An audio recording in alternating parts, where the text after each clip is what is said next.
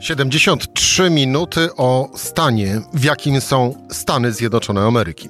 Tyle trwało przemówienie Joe Bidena przed połączonymi izbami kongresu. Jaki obraz przyszłości namalował słowami amerykański prezydent? O tym właśnie w rozmowie z Jędrzejem Bieleckim. Rzecz w tym, że taki był dzień. Cezary Szymanek, zapraszam na codzienny podcast Rzeczpospolitej. Ósmy dzień lutego, środa, Jędrzej Bielecki, dział zagraniczny Rzeczpospolita. Jędrzej, dzień dobry. Dzień dobry. Rozstrzygnijmy na początek najważniejszą kwestię, szczególnie dla tych, e, którzy bardzo wierzą w to, że wstaliśmy z kolan. E, o Polsce coś było? No nie o Polsce nie było, y, też o Ukrainie było zaskakująco mało. Y, było przede wszystkim o tym, jak ma wyglądać przyszłość Ameryka, y, a jeśli chodzi o sprawy zagraniczne, no to przede wszystkim była mowa o Chinach.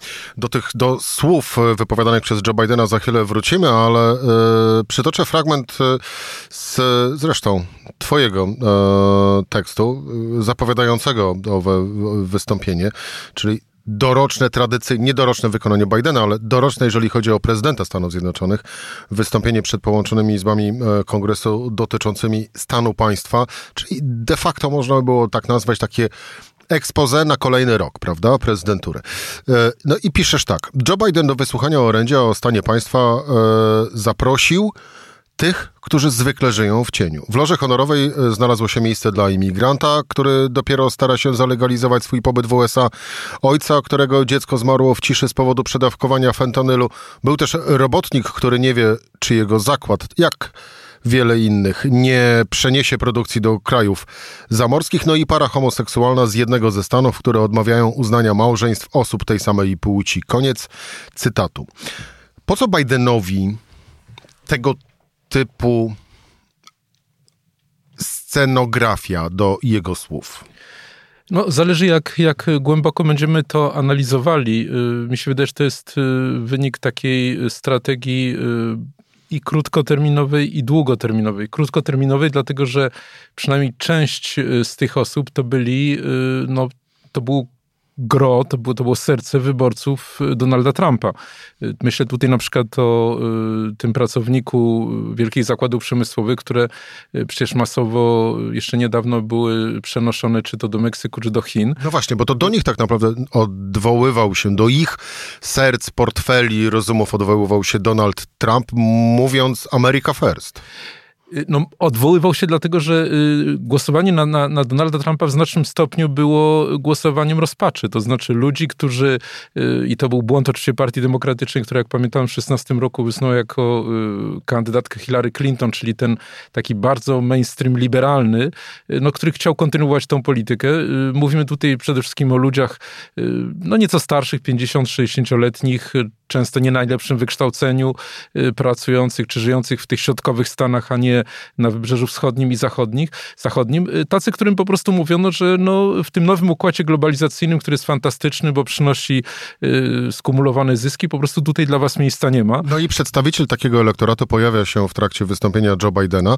Teraz, przypomnijmy, początek 2023 e, roku. Czy to w prostej linii tłumaczyć sobie w sposób następujący, że Joe Biden sięga po wyborców Donalda Trumpa, aby później sięgnąć po kolejną kadencję? Y, po części tak, ale też jest y, to szersza refleksja, dlatego że y, to jest też obrona demokracji, no bo przecież, tak jak zresztą powiedział w czasie tego przemówienia, że, że kiedy obejmował władzę, to demokracja amerykańska była najbardziej zagrożona od czasu wojny secesyjnej, czyli od 160 lat. Myślał o, o próbie zamachu stanu, czy nieoddania władzy przez, przez Donalda Trumpa, a nawet jest to część jeszcze szersza i też o tym wspomniał, pokazania, że demokracja działa że, y, że ustroje totalitarne, y, autorytarne, przynajmniej Chiny, Rosja, y, no nie sprawdzają się, ale pod jakim warunkiem się nie sprawdzają? I on to też powiedział, pod takim warunkiem, że ta demokracja, ten system ekonomiczny będzie działał dla wszystkich.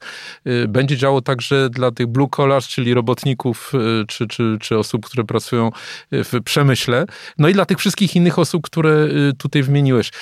To jest zresztą bardzo taka ewolucja samego Bidena, bardzo ciekawa, dlatego że Przypomnijmy, że przecież on przez 8 lat był wiceprezydentem u Baracka Obamy i pamiętamy, jak Barack Obama zareagował na wielki kryzys finansowy kilkanaście lat temu.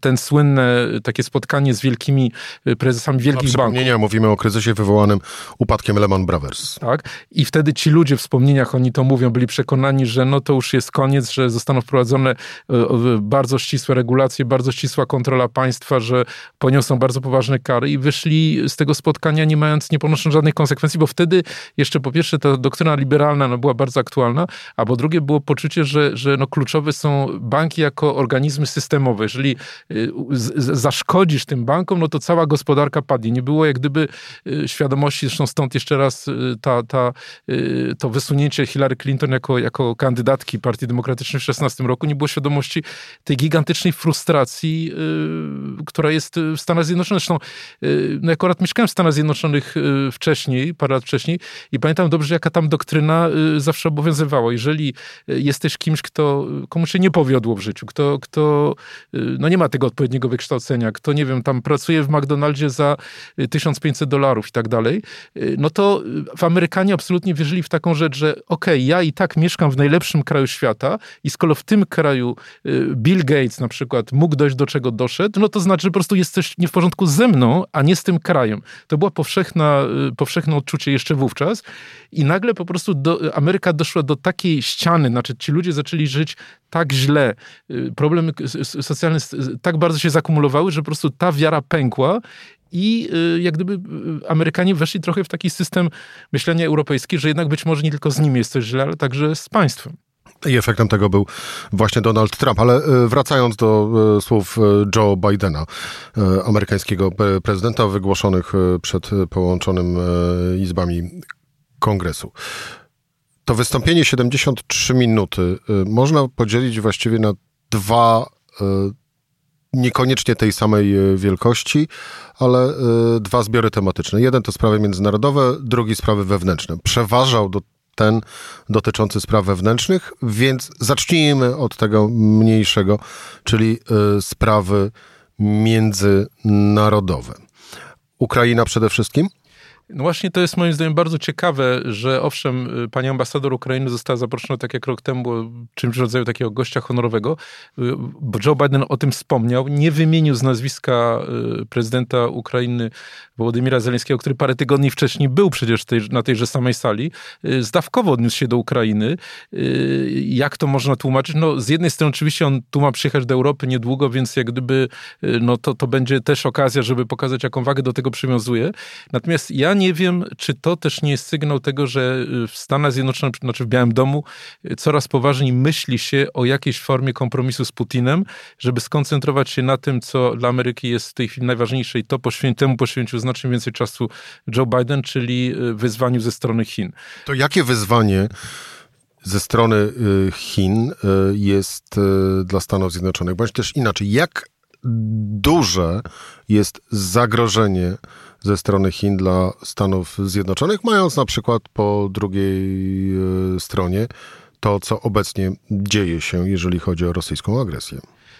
Znaczy, to jest zagrożenie, analiza amerykańska jest taka, że to jest zagrożenie inne niż wydawało się jeszcze dwa lata temu y, Amerykanom, może nawet rok temu.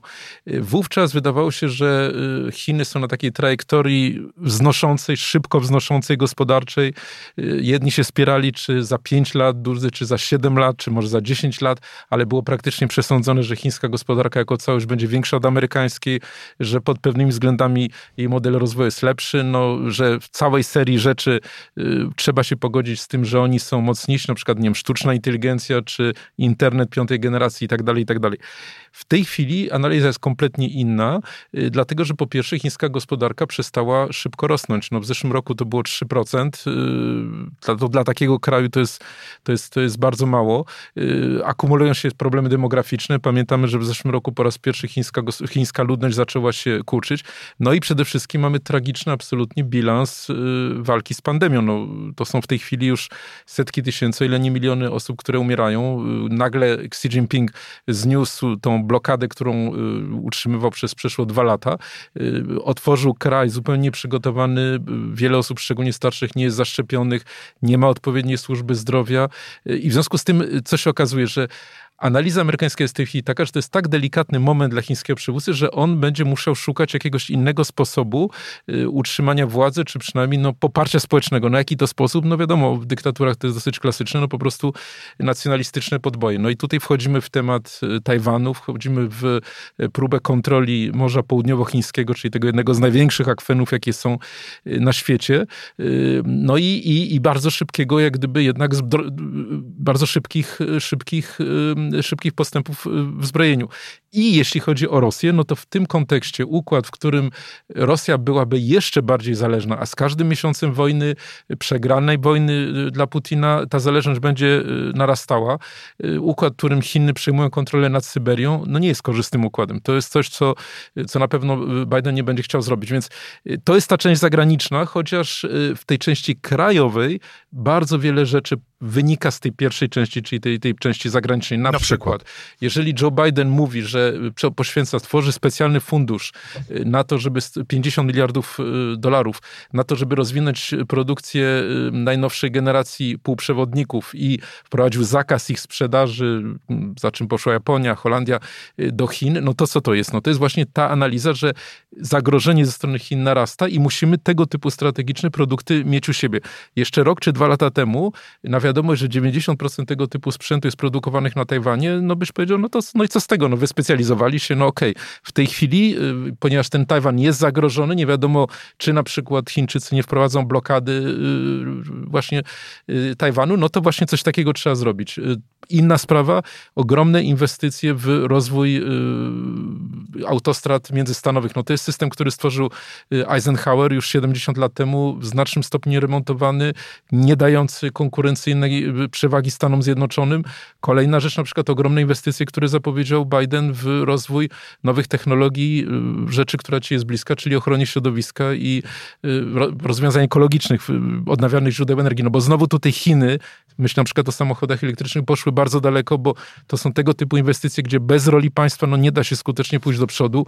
No to po prostu ta rola państwa jest bardzo ważna. Więc owszem, jest bardzo jasne oddzielenie, w sensie, że potem w tej części największej y, Biden nie wymienia Chin już z nazwy, ale wiadomo, że w tyle głowy ma no z jednej strony wybory, które go czekają, być może jego, dużo na to wskazuje, z drugiej strony i obrony demokracji w Korei, ale z drugiej strony rywalizację z Chinami. No właśnie, ale to Jędrzej, to jest w takim razie mm, próba mm, nadgonienia straconego czasu w tym wyścigu z Chinami, szczególnie na przykład jeżeli chodzi o e, technologię. Mm, czy też to jest zapowiedź budowy e, takiej wysokiej wieży e, obejmującej całe Stany Zjednoczone na wypadek, gdyby musiały być samowystarczalne?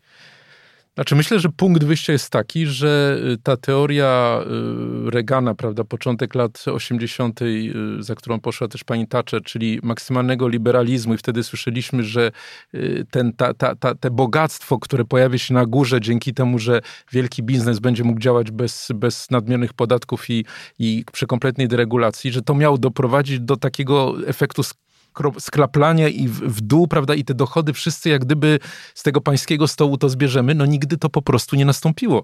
Że po prostu masz ogromną ilość Amerykanów, którzy żyją no bardzo źle, mówiliśmy o tym przy okazji y, Donalda Trumpa, y, no i po prostu okazuje się, że bez tej roli państwa, no to, to po prostu się tego nie zrobi. Zresztą to jest coś, co widzieliśmy też chociażby po wielkim kryzysie 29 roku z New Dealem, z, z Rooseveltem, to co jakiś czas w Stanach Zjednoczonych to następuje, więc mi się wydaje, że to jest w ogóle y, no, sytuacja sytuacja, która, y, która będzie y, w ogóle w Europie też y, dosyć obecna, no bo po prostu pewne rozwiązania państwowe są konieczne. Bo co, bo, bo takie rządy, jak rządy na przykład Donalda Trumpa, mm, zmuszają, bo też to wielokrotnie się pojawiało w, twojej, w tej naszej rozmowie, jak i również też wcześniej, kiedy rozmawialiśmy czy to o Stanach Zjednoczonych, czy na przykład o Brazylii, że demokracja się obroniła, prawda? Mm, no ale z drugiej strony można też stwierdzić, że takie właśnie rządy, jak chociażby w Stanach Zjednoczonych Donalda Trumpa, powodują, że okej, okay, demokracja się obroniła, ale te rządy wpływają na to, że ta demokracja będzie musiała się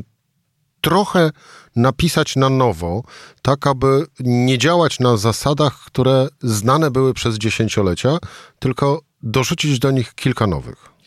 Znaczy przede wszystkim to musiał być elektrowstrząs w postaci 6 stycznia 20 roku, czyli tego zajęcia kongresu przez e, zwolenników Trumpa. E, dzisiaj, chociaż już gubernator Florydy Ron DeSantis ma większe poparcie, no ale jednak jest czołowym politykiem partii republikańskiej i Donald Trump cały czas mówi, że te wybory były sfałszowane.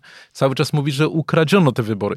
Jeżeli masz sytuację, w której nadal, no załóżmy 40% Amerykanów to wierzy, to to jest sygnał gigantycznej desperacji tego kraju. Znaczy, to są kompletne bzdury, tak? To znaczy, to, jest, to są kompletnie wyssane rzeczy z palca, a ludzie w to wierzą. No dlaczego wierzą? No bo po prostu są tak zdesperowani, że szukają jakiegoś y, no, ratunku, żeby to zrozumieć. Plus jeszcze, no my mówimy y, o, jak gdyby o, tej, o, tej, o tym aspekcie materialnym y, tego, że, że ta demokracja w tym sensie nie sprawdziła, że nie, nie rozdawała jakoś tam do pewnego... Nie było tak zwanej redystrybucji dochodu. No na, mini, na minimalnym poziomie, prawda, bo o tym mówimy.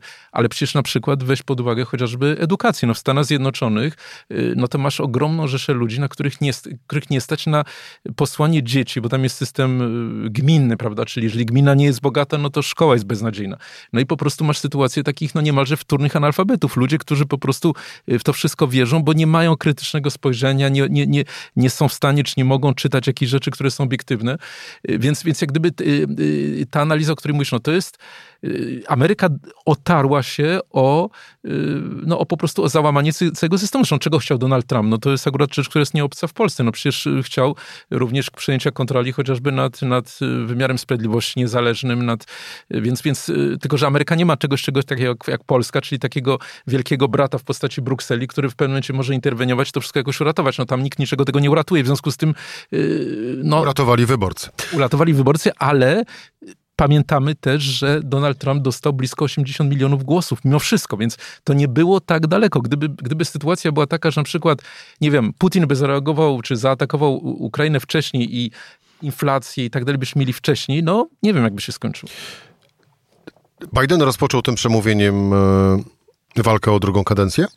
A właśnie zapowiedział, że będzie walczył? Y, znaczy, wszystko wskazuje na to, że tak będzie, chociaż trzeba powiedzieć, że nawet wśród wyborców demokratycznych ponad połowa uważa, że on nie powinien startować. Y, pamiętamy, że jeżeli by się udało mu to, y, no to w 2028 roku, czy kiedy kończyłaby się ta jego kadencja, miałby 86 lat. Już teraz jest najstarszym prezydentem w historii. Absolutnie zachwyca determinacją, szczególnie jeśli chodzi o ten konflikt rosyjski, ale na przykład mówisz o tym przemówieniu 73 minuty, no pierwsze kilkanaście minut, może dwadzieścia parę, no to on y, nie czytał wyraźnie, przeskakiwał słowa, no są wątpliwości co do jego, co do jego jak gdyby zdrowia. Druga rzecz jest taka, że to jest trochę też znowu sytuacja znana z Polski, mianowicie to jest taka, y, taka wzajemna dynamika, która się utworzyła między nim a Donaldem Trumpem, to znaczy y, ludzie, bardzo wielu z nich głosowało y, dwa lata temu na, na, na Bidena, bo nie chciało Trumpa i odwrotnie. Nie dlatego, że byli zachwyceni Bidenem. Problem polega na tym, że coraz więcej wskazuje na to, że tego Trumpa nie będzie za dwa lata w tej rozgrywce. No i w tym momencie, jak nie będzie Trumpa, no to jest tak jak Kaczyński i Tusk. No jak jednego nie ma, no to po co drugi? No i w związku z tym y, tutaj też jest pytanie, y, czy, czy on będzie konieczny. Problem polega na tym, że w systemie amerykańskim, jeżeli urzędujący prezydent chce y, starać się o drugą kadencję, to w zasadzie nikt poważny z partii demokratycznej nie wystąpi przeciwko niemu. No i na razie nie ma żadnego takiego kandydata, a zupełnie inna sytuacja jest u republikanów, gdzie oczywiście takich kandydatów będzie wielu podsumowując, jakbyś jednym zdaniem w takim razie miał opisać Stany Zjednoczone wedle tych słów Joe Bidena z tych 73 minut, jak miałby się streścić do jednego, dwóch zdań, to jak byś opisał te Stany On Zjednoczone? Sam, powiedział, sam powiedział, jak gdyby spytać się o to, to powiedział, że użył słowa, że to jest potencjał, że to jest y, gospodarka, że, że powiedział coś takiego, że my zawsze potrafiliśmy przełamywać kryzysy i iść do przodu, dostosować się.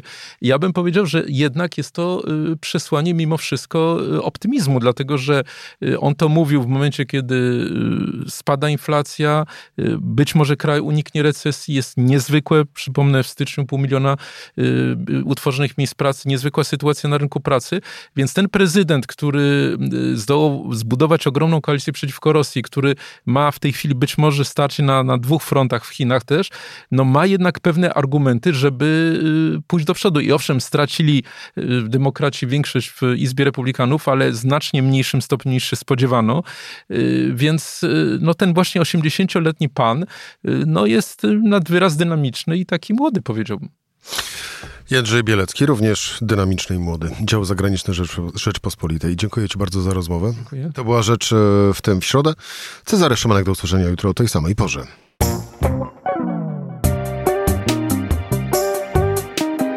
Rzecz w tym to codzienny program Rzeczpospolitej. Od poniedziałku do czwartku o godzinie 17.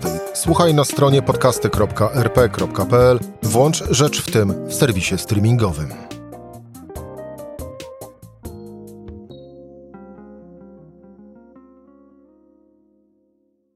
Poznaj mocne strony Rzeczpospolitej. Wejdź na prenumerata rp.pl. Polecam. Bogusław Rabota, redaktor naczelny.